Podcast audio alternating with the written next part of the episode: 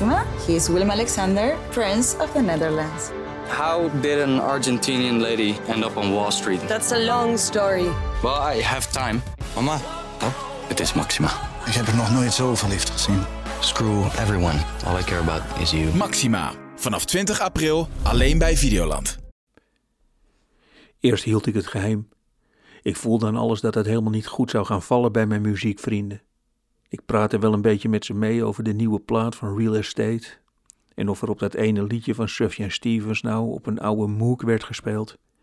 Maar ondertussen bonkte er maar één naam door mijn hoofd: Taylor Swift. Ik had Ryan Adams nodig om haar te ontdekken. Ik had me laten misleiden door haar stadionshows, die rare showbiz-ruzietjes. De veertienjarige bakvissen die haar adoreerden. Maar nu durf ik het hier hardop te zeggen. Ik ben een bakvis van 60 jaar oud.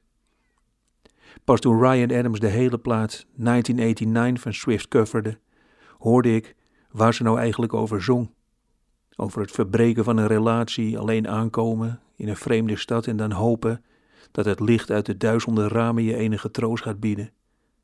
Ze komt uit de countryhoek. Dan heb je meteen een voorsprong. Country-artiesten willen zo mooi mogelijk een verhaal vertellen. Ik luisterde haar oude platen en ik hoorde een stortvloed aan prachtige zinnetjes voorbij komen. In het liedje 15 zingt ze: Cause when you're 15, somebody tells you they love you, you're gonna believe them. En daar werd ik stil van en jaloers. In één zinnetje. Het leven van miljarden mensen samenvatten met de verkeerde schooltas. Een nieuwe school binnenlopen, niet weten waar je je jas op moet hangen. Overal aan twijfelen en je dan vastklampen aan alles wat ook maar een beetje van je lijkt te houden. Taylor Swift is mijn favoriete schrijfster. Wanneer ze boos is, dan verschijnen er ontredderde figuren in haar liedjes. Wanneer ze verliefd is, zingt ze over een overbekende angst. Je hechten aan de plekken waar je hand in hand met hem of haar doorheen loopt en dan al weten wat er gebeurt als je weer alleen bent. Ze zingt And I hope I never lose you. Hope it never ends. I never walk Cornelia Street again. Ik luister nu al maandenlang naar haar laatste plaat.